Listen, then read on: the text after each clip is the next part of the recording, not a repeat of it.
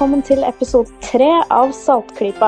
En norsk podkast om vitenskap, pseudovitenskap og kritisk tenkning. I dag er det 29. november 2010.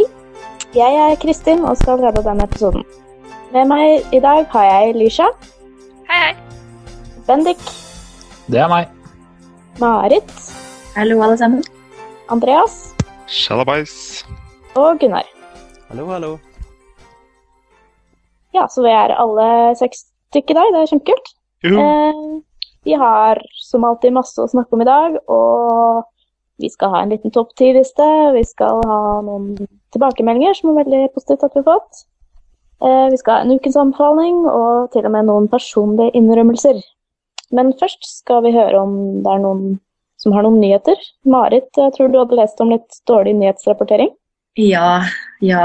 Jeg eh, må jo alltid lese alt hvis det, hvis det står noe i avisen om evolusjon.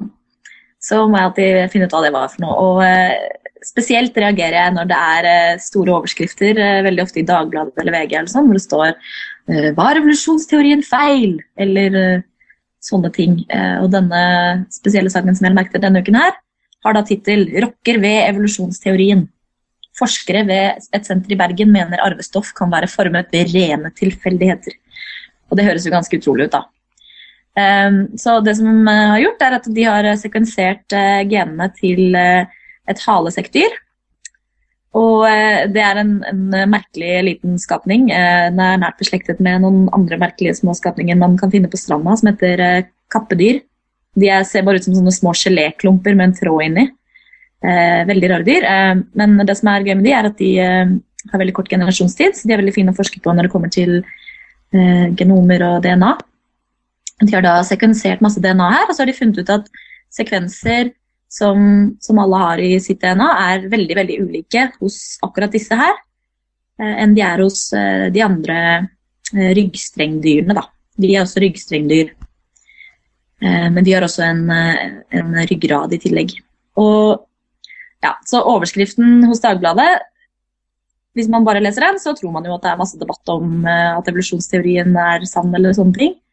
Eh, men i eh, de siste, det siste avsnittet til denne artikkelen heter 'Rask evolusjon'. Og det det egentlig står der, er at eh, når evolusjonshastigheten er stor, så viser det seg at ja, dette kan skje som har skjedd i, i denne organismen. Da. Jeg blir så frustrert over at de klarer å lage en overskrift som er så misvisende. Det er ikke noe konflikt med evolusjonsteorien i det hele tatt. Det er bare at det er en litt annen vei enn det pleier å gå. liksom. Så, så sånn er det. Ja. ja. Det var vel ikke den helt store kontroversen der, kanskje? Nei, ikke egentlig. Det, det er litt farlig. Det er litt farlig synes jeg, når massemedia fremstiller det som om det kanskje kan være en kontrovers, for det finnes en del folk der ute som er interessert i å skape et inntrykk av at det er en kontrovers. Noe som ikke kunne vært lenger fra sannheten. Men det finnes de som ønsker å pushe det, og man vet jo hva slags agenda de har. Og folk som ikke veit bedre, kan jo dessverre tenkes og tro på det. Når man ser en slik overskrift, så må det jo være noe i det, liksom. Mm. I tillegg så er jo saken altså Det er litt sånn utilgjengelig materiale da, når det er en sånn helt fremmed organisme og masse om liksom, DNA-teknologi og eh, ja, genteknologi og hvordan man eh, forsker på det. Så jeg tror ikke folk alltid vil Jeg skal ikke si at ingen vil skjønne det, liksom, men, men jeg måtte lese den saken tre ganger, og jeg studerer jo dette her før jeg skjønte hva de egentlig prøvde å si. Så mm. da jeg gikk inn på linken til eh, forskningsgruppa i Bergen, så da skjønte jeg hva det handlet om. I mye større grad. De to viktigste vitenskapssakene journalistene kan ha, det er jo én Einstein tok feil, og to Darwin tok feil. ja, ja. Hvis de klarer å vinkle sakene eh. sånn, så er det en hit uansett. Det er klart at eh, Journalister skal jo ha, vil jo gjerne ha overskrifter, men uh, og de mangler kanskje litt uh, innsikt i hva de skriver om. Men her virker det jo som at uh, journalisten har satt seg godt inn i det. Uh, og da er det veldig rart å lage en sånn overskrift. I akkurat denne saken her så kan man faktisk følge evolusjonen av saken også. fordi um, Nettavisen til Universitetet i Bergen har en, også en sak om den her da, som er mye mer i dybden. Og Den heter da 'Snur opp ned på evolusjonsteori'. Og Det er strengt tatt ikke like ille. Det er fortsatt en sånn sensasjonalistisk overskrift. Men her er det da ok, de endrer på noe, liksom. De snur opp ned på noe. Mens da i Dagbladet-artikkelen så har han da mistolket det litt og, og oversatt det til rockerved. Og det er jo ikke noe rocking ved evolusjonsteorien her. Men jeg, jeg ser at en Dagbladet-artikkel er datert 1.1.1970, så det kan jo være at i den tida så var det faktisk en nyhet. Kanskje det. Der har, vi, der har vi svaret. Ja, ja. Nei, eh, vi kan jo kanskje veie, veie, opp litt for den dårlige rapporteringen i norske medier. Én eh, ting eh, journalister kan gjøre for å sørge for at de har bra innsikt i en sak, er vel å kanskje ha hjelp fra virkelige eksperter. Og i svenske Aftonbladet så er det noen av oss som har lest en ganske bra rapportert sak. Er det noen som har noe å si om det? Jeg har ikke så mye å si om det, men det er en uh, verdens første professor i alternativ medisin, Edzard Ernst, som også har skrevet uh, 'Trick or Treatment', er det den heter. Ja, uh, den heter ja. Og overskriften oppsummerer egentlig hele artikkelen. Den heter 'Det meste er bløff'. Den kan vi vel anbefale. Ja, det er en sånn liten liten gladsak på nytten. Vi kan linke til den saken i, i shownotes. Det handler da selvfølgelig da om uh, alternative behandlingsmetoder. Og nå det er gøy at vi, var, vi, vi skal gjerne hatt mer sånn journalistikk i, i, i, Norge. Det er gøy at ikke bare at ikke bare de som uh, selger noe, og som ønsker seg reklame, um, blir presentert i avisen. Det er også de som har ganske uselviske hensikter for å fortelle noe, som får komme frem. Yes. Ja, ja. Det var Selv om man har en bok, da. ikke sant. Ja. Han har en bok, men likevel. Den er litt gammel. Ja. ja. Nei. Skal vi si det var uh, nyhetene for uh, denne gangen, kanskje? Ja. Um, jeg skal bare si at uh, kan som sikkert veldig mange har fått med seg, er vi nå endelig på iTunes. Det tok jo litt tid Eh, så det, det, er bare å abonnere i vei og si til alle sammen at de skal abonnere. Og rate oss høyt på lista. Gi oss mange stjerner. Og hvis du er redd for, å, også... hvis du er redd for å være alene, så er, kan vi jo si at, vi, at de er jo ikke det lenger. Jeg syns det er gøy at det er faktisk noen som hører på oss denne gangen. Det er eh, altså det, det er, jeg vet, altså Bendik, du hadde noe statistikk på dette her. Jeg syns det er ganske overveldende. Ja, for å ikke skryte altfor mye av oss selv, men litt må vi jo få lov til. Uh, disse, de to første episodene, som jo kom ut for uh, eh, ca. en uke siden når uh, vi nå tar opp dette her, har blitt lasta ned uh, litt over 500 ganger hver hittil. Det, da, kan vi, da kan vi juble litt, syns jeg. Jeg fortjener en liten jubel. Vi klatra på tirsdag så klatra vi jo faktisk opp til å være Norges nest mest downloadede podkast blant de norskspråklige.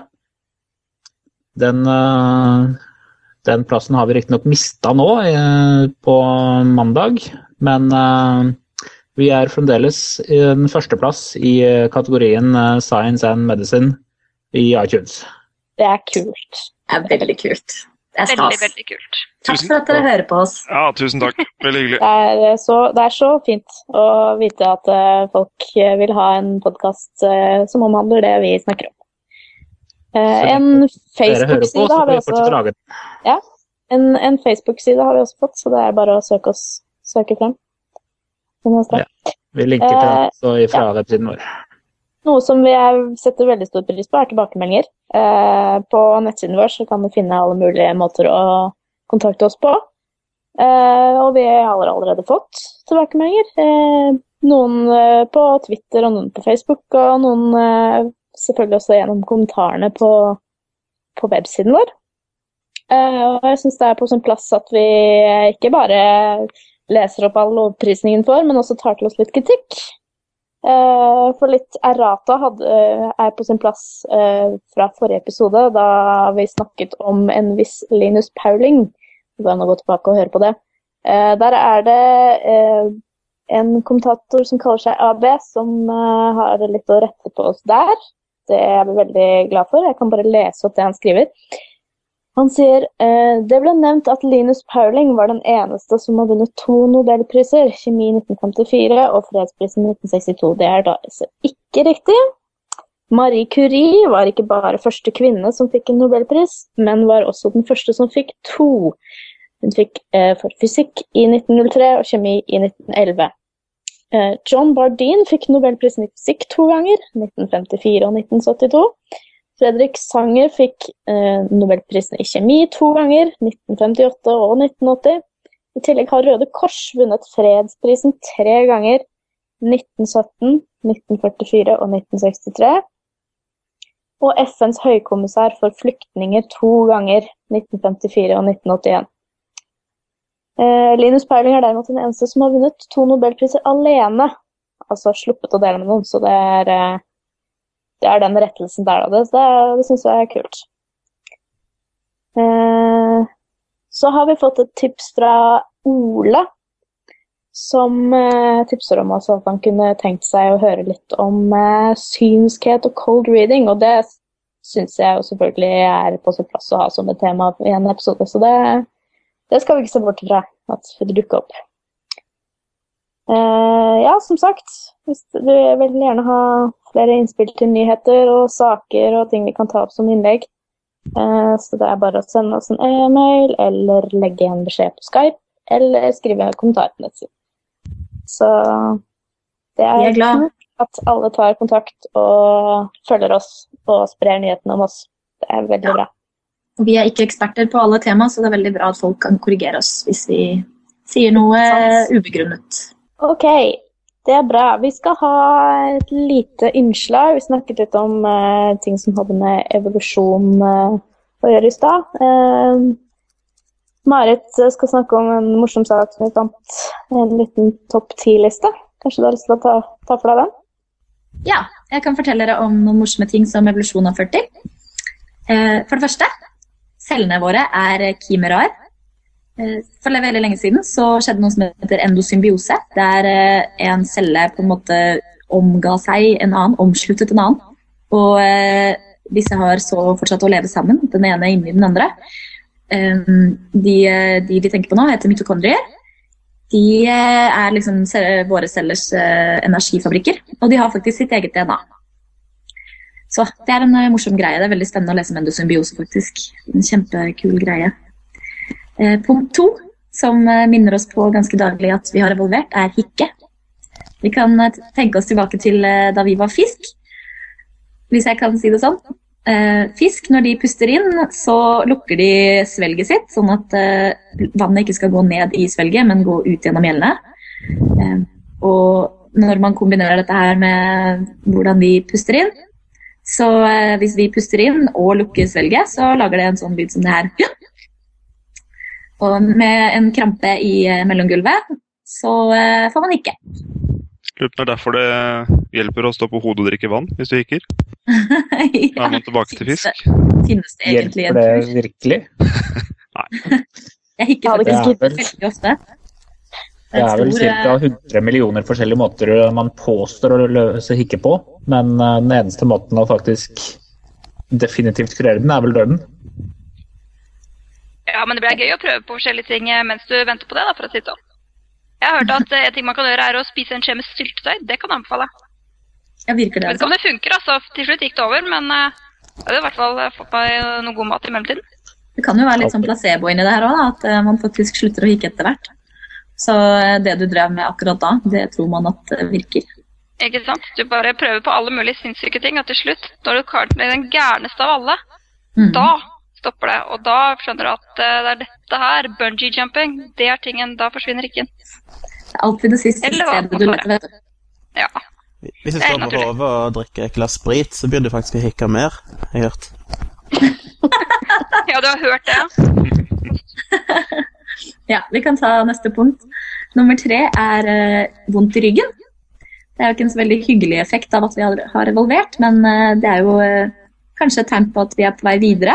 Um, vi pleide jo å gå på alle fire, sånn, ikke du og jeg, men våre forfedre. Og ryggen vår har fortsatt ikke helt tilpasset seg å, å være oppreist. Så faktisk, når du står rett opp og ned, så er kroppen din veldig god på det. Du bruker nesten ikke noe energi. Du, kan, du trenger ikke å, å, spenne noen muskler eller noen ting for å, for å holde deg oppe. En sjimpanse må faktisk eh, spenne ganske mange muskler for å, for å stå liksom, rett opp og ned, sånn som vi gjør. Men vi er ikke helt klare for tobeint gang ennå, fordi vi får vondt i ryggen når vi blir gamle. Det er derfor jeg pleier å tilbringe mesteparten av min tid henslengt framfor en datamaskin. Yes. det støtter jeg helhjerta. Også derfor begynner det å krabbe når vi får oss litt alkohol. ikke Ja, det er mer naturlig for oss. Mm. Ja. En ting som også skjedde da vi reiste oss opp, er at uh, tarmene våre ikke lenger er uh, hva skal man si, uh, supported. Altså de er ikke støttet opp sånn som de var før.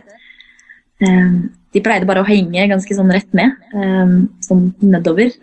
fra magen og ned mot bakken da vi liksom var på fire. Nå så nå så eh, henger de ned, og vi har faktisk fått et veldig mye mer sånn, koppformet bekken enn det vi hadde før. Hvis du noen gang eh, har anledning til å se et sjimpanseskjelett og et menneskeskjelett, så kan du se at eh, vi har liksom en kopp, og de har en sånn fjøl, liksom. En uh, annen ting som er uh, en uhyggelig effekt av at vi har evolvert, nummer fem, det er uh, kvelning. Det er rett og slett når vi får ting ned i feil rør når vi spiser eller drikker. Um, for uh, mange dyr så er det ikke noe problem å, uh, å, spise og puste samtidig. De klarer å svelge mens de puster med nesa, f.eks. Mens uh, hos oss så har det vært en del endringer i trakea som gjør at vi kan snakke. Og det har flyttet liksom ting litt rundt i halsen vår, som gjør at vi ikke lenger har den muligheten. da. Så vi får ofte ting ned i feil rør når vi snakker og spiser eller sånne ting. Tenk hvor kult det hadde vært da, hvis du kunne prate og spise samtidig. Ja. Da hadde måltidene vart for alltid. Det er noen som prøver, da, men det er forferdelig irriterende. Spesielt på telefon. Punkt nummer seks handler eh, om vinteren, eller veldig relevant for oss akkurat nå. Det er at vi ikke lenger har noe særlig pels. Vi eh, bodde jo veldig lenge på savannet og trengte ikke så veldig mye pels for å klare oss der. Eh, det er mange ulike teorier for hvorfor vi har mista pelsen. Eh, en av de er seksuell seleksjon. At det rett og slett er menn syns det er attraktivt med mindre hårete kvinner. Og så har dere valgt kvinner som har vært mindre hårete i, at, i så stor grad at det har vært en følge også at gutter har mistet håret. Altså kroppshåret, da, ikke hodehåret. Betyr det at jeg er mindre evolvert? Ja. Helt klart, Gunnar. Helt klart. Du er, du er nærmere aper enn hva vi er. Yes. Man bare se det i øynene. En, uh, nummer syv henger jo veldig tett sammen med det der. Uh, det er gåsehud. Når det er kaldt, så prøver uh, hårene dine å reise seg for at du skal kunne fange mer varm luft i de. Du kan også, det er også sånn Hvis du føler deg redd, så, så kommer gåsehuden, og det er for at du skal se større ut. Så gåsehud er også et tegn på at vi er revolverte. Jeg pleier også det når jeg skal tøffe meg litt. Da får jeg gåsehud, så ser jeg utrolig mye større ut. Ikke sant? Man ser veldig tøff ut med gåsehud. Eh, punkt åtte er at eh, hjernene våre har eh, vokst så mye at det eh, ikke er plass til tennene våre lenger. så det er faktisk eh, Visdomstennene har eh, riktig navn, det. De, de, har ikke plass fordi hjernen har blitt for stor, rett og slett. Vi har fått veldig små kjever og store kranier. Eh, vi spiser jo veldig lettfordøyelig mat eh, og kan preparere den også, så vi har jo ikke noe særlig store tenner. Eh, men hjernen har da altså vokst så fort at, at det ikke er plass til tennene lenger. Vi går videre til nummer ni. Det er jo en som det ofte står om i avisen, og som man faktisk kanskje kan bruke til å lære litt om revolusjon ofte. Det er overvekt og fedme. Vi er skikkelig glad i sukker og fett, og det er fordi at vi ikke alltid hadde så mye av det som det vi har nå. Så grunnen til at vi syns at søte ting er godt, er fordi søte ting er bra for deg, egentlig. Når det er eh, tatt med moderasjon. Og før så har jo alltid naturen vært en begrensning der, så det, du, altså, du kunne spise det som var tilgjengelig. Og nå, hvis du spiser alt som er tilgjengelig, så blir man til et hus, cirka. Ja. Eh, vi kan jo bare ta en til her, f.eks. Eh, halebeinet. Man har jo faktisk en stump av et bein, og eh, i fosterutviklingen så kan man så vidt se, se at vi får en slags hale før den sakte dannes tilbake igjen. Forsvinner. Og det var jo, det var jo en hale en gang. Men den utvikler vi ikke lenger. Det blir jo faktisk født noen unger i ny og ne som faktisk har en fullt utvikla hale. Med ja, det gjør det. bein og muskler og full pakke. Ja. Den pleier jo å fjernes. Ja. Men det hadde jo vært kult. Det, det skjer faktisk med, med, mange organismer. Så har de å, Nå husker jeg ikke hva den termen er, men hval også. Eh, tidvis så fødes det hval med bakbein. Det er, er det sant, Andreas? Det, er en, det, er en, det, kan jeg, det kan jeg bekrefte. hvis man eh, skjærer opp en eh, helt normal hval, så ser man jo at den faktisk har bakbein inni der også. Det henger jo ja. noe greier fra skjelettet som er noe slags bakbein som en gang var. Det kan jeg ikke bekrefte. Det var da ikke synlig når kjøttet er på. Vi har jo også laget uh, genmodifiserte kyllinger nå med tenner. Uh, og Det er egentlig det samme fenomenet. Det er bare på en måte at man skrur av reguleringen som undertrykker gamle trekk.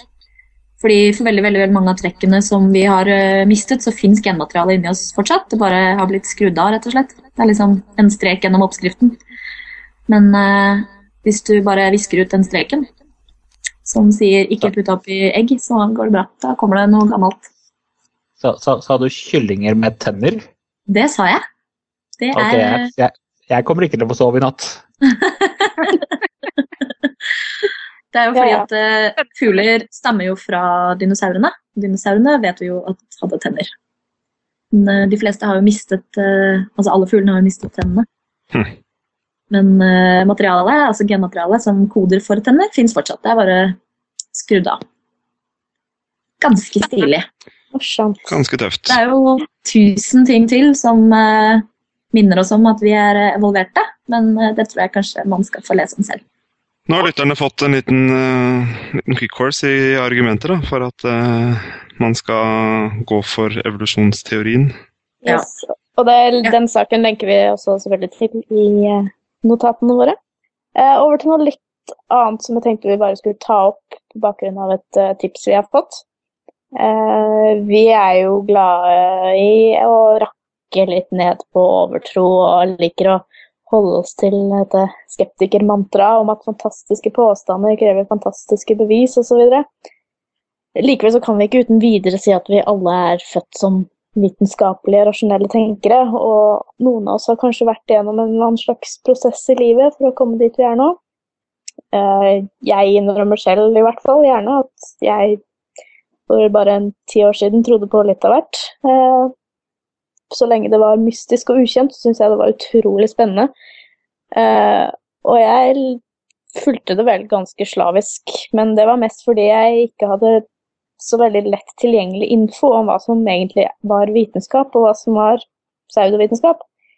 For jeg har jo samtidig alltid vært litt sånn populærvitenskapsnerd, da. Og det var det som kanskje ble redningen min også, at jeg var f.eks. utrolig interessert i astronomi. Eh, for jeg syns jo f.eks. sånne ting som eh, sorte hull og sånn, det syns jeg også var veldig sånn mystisk og ukjent. og sånn, så Det var vel egentlig bare det at jeg ikke klarte å se helt forskjellen på vitenskap og pseudovitenskap, noe jeg faktisk ikke klarte å lære forskjellen på nesten før jeg begynte på universitetet. Eh, jeg vet ikke, Er det noen, er det noen andre som har en sånn uh, liten innrømmelse å komme med?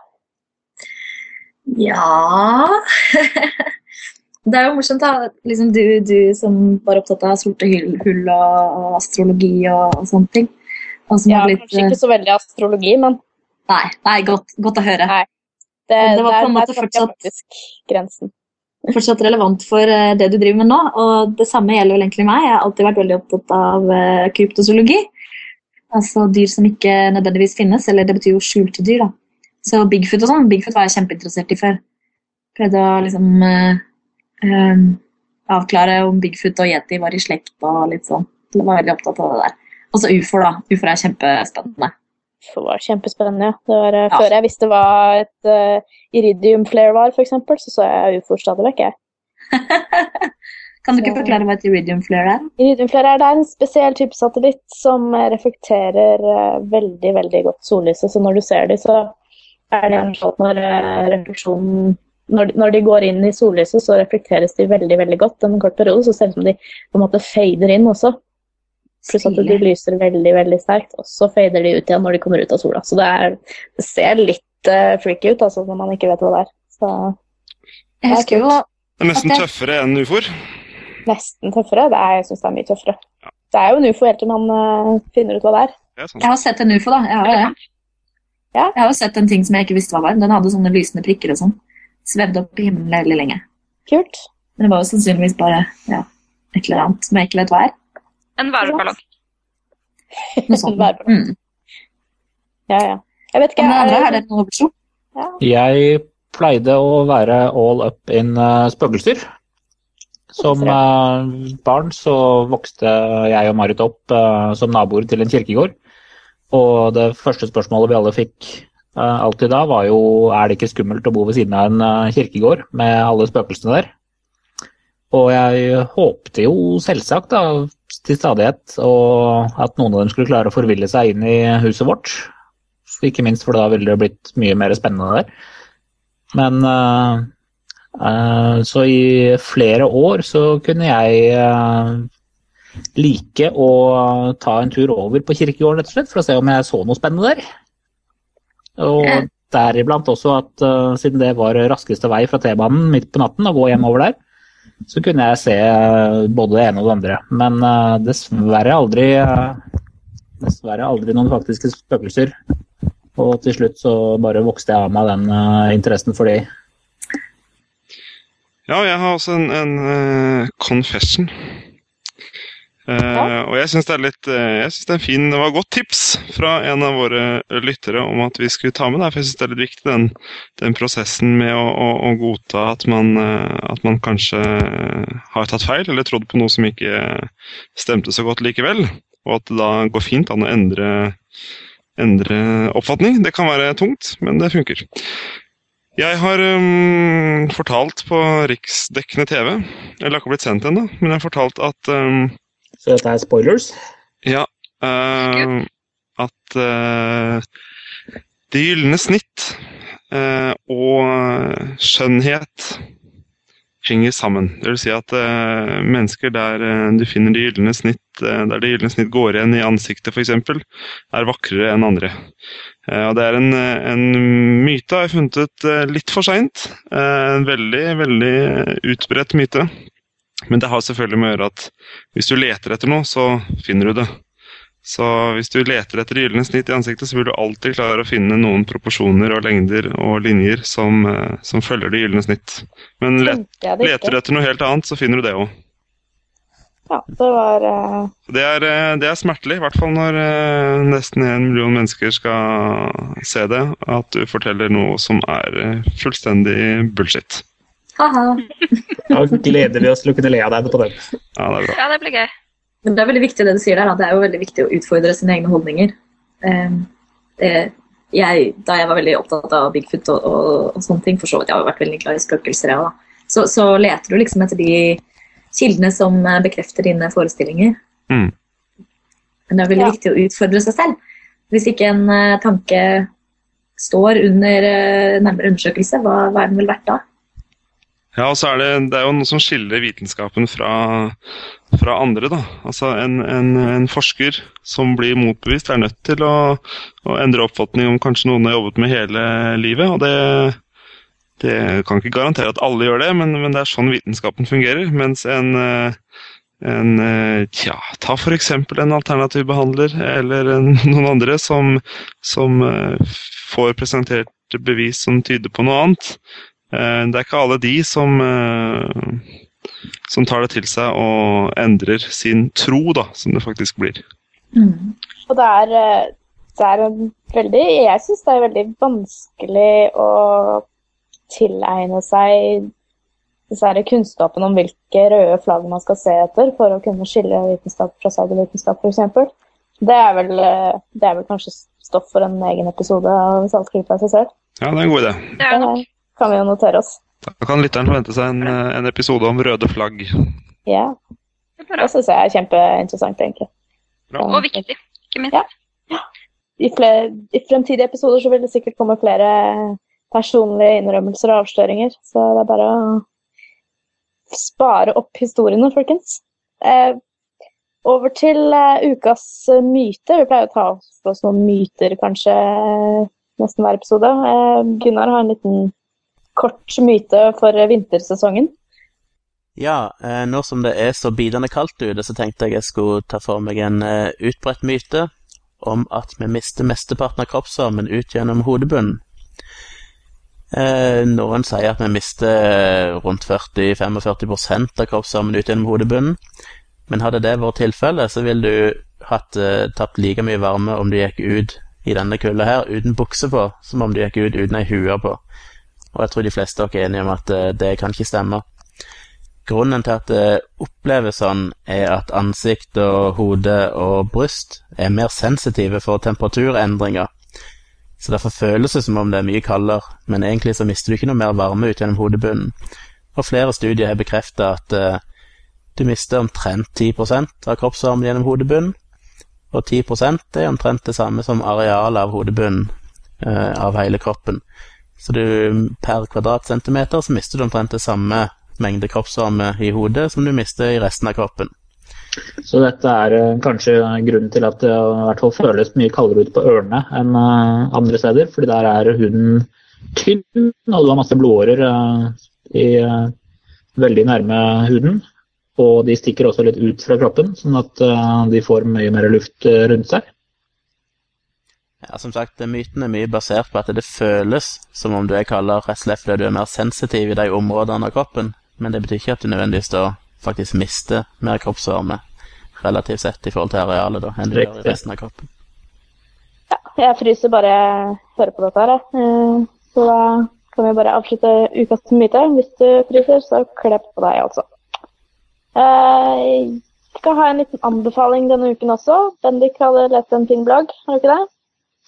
Ja, denne uken vil jeg veldig gjerne anbefale bloggen til Pernille Nylén. For de av dere som ikke kjenner eh, Pernille, så er hun lege og spesialist i allmennmedisin. Og skriver en blogg på adressen perpelle.wordpress.com. Den adressen kommer selvsagt i notatene. Pernille skriver eh, mest om eh, eller Siden hun er lege, så skriver hun jo om helse og kroppen. Og i det siste så har hun en veldig interessant artikkelserie om eh, hennes eh, erfaringer på Alternativmessen som var eh, på Lillestrøm for to uker siden. Hvor hun ble dratt med av Dagsrevyen dit for å prate med noen av praktikerne der. Høyst anbefalt å lese de og høre på alt det ikke-medisinske tullet de kommer med der. Ja, jeg syns hun skriver utrolig bra, og mange viktige blogginnlegg også. For hun tar eh, viktige kontroversielle behandlings, såkalte behandlingsformer opp på en veldig lettfattelig og noen ganger til og med litt humoristisk måte. Så det anbefaler jeg. Um, vi skal, som en liten apropos til Pernille som var på Alternativmessen, minne om at vi faktisk allerede har tema temaet klart for neste episode. og Den kommer egentlig ganske snart. Det blir en liten spesialepisode. Eh, for eh, omtrent halvparten av oss var faktisk også en tur på alternativmessen i Lillestrøm. Og da har vi kanskje tenkt å dele litt av våre erfaringer derfra. og vi har også et, Da får vi også plass til et veldig interessant intervju som Bendik gjorde med en som han stiftet bekjentskap med der. Eh, så det blir ikke lenge før neste episode kommer. Eh, I neste episode der igjen kan vi også nevne at vi hadde veldig lyst til å ta for oss eh, denne svineinfluensadebatten, så det kan være spennende å få med seg den også. Ja, men det var vel stort sett det vi hadde for denne episoden av Saltgrupa. Vi vil gjerne takke alle dere som har hørt på, og for all den fantastiske tilbakemeldingen vi har fått. Eh, fortsett sånn. Det, hvis du kjenner noen som trenger en eh, klype salt i hverdagen, så er det bare å tipse alle dere kjenner. Eh, så da sier eh, vi ha det, alle vi som har vært her. Ha det bra, ha det bra. Ha det. Ha det bra. Ha det bra.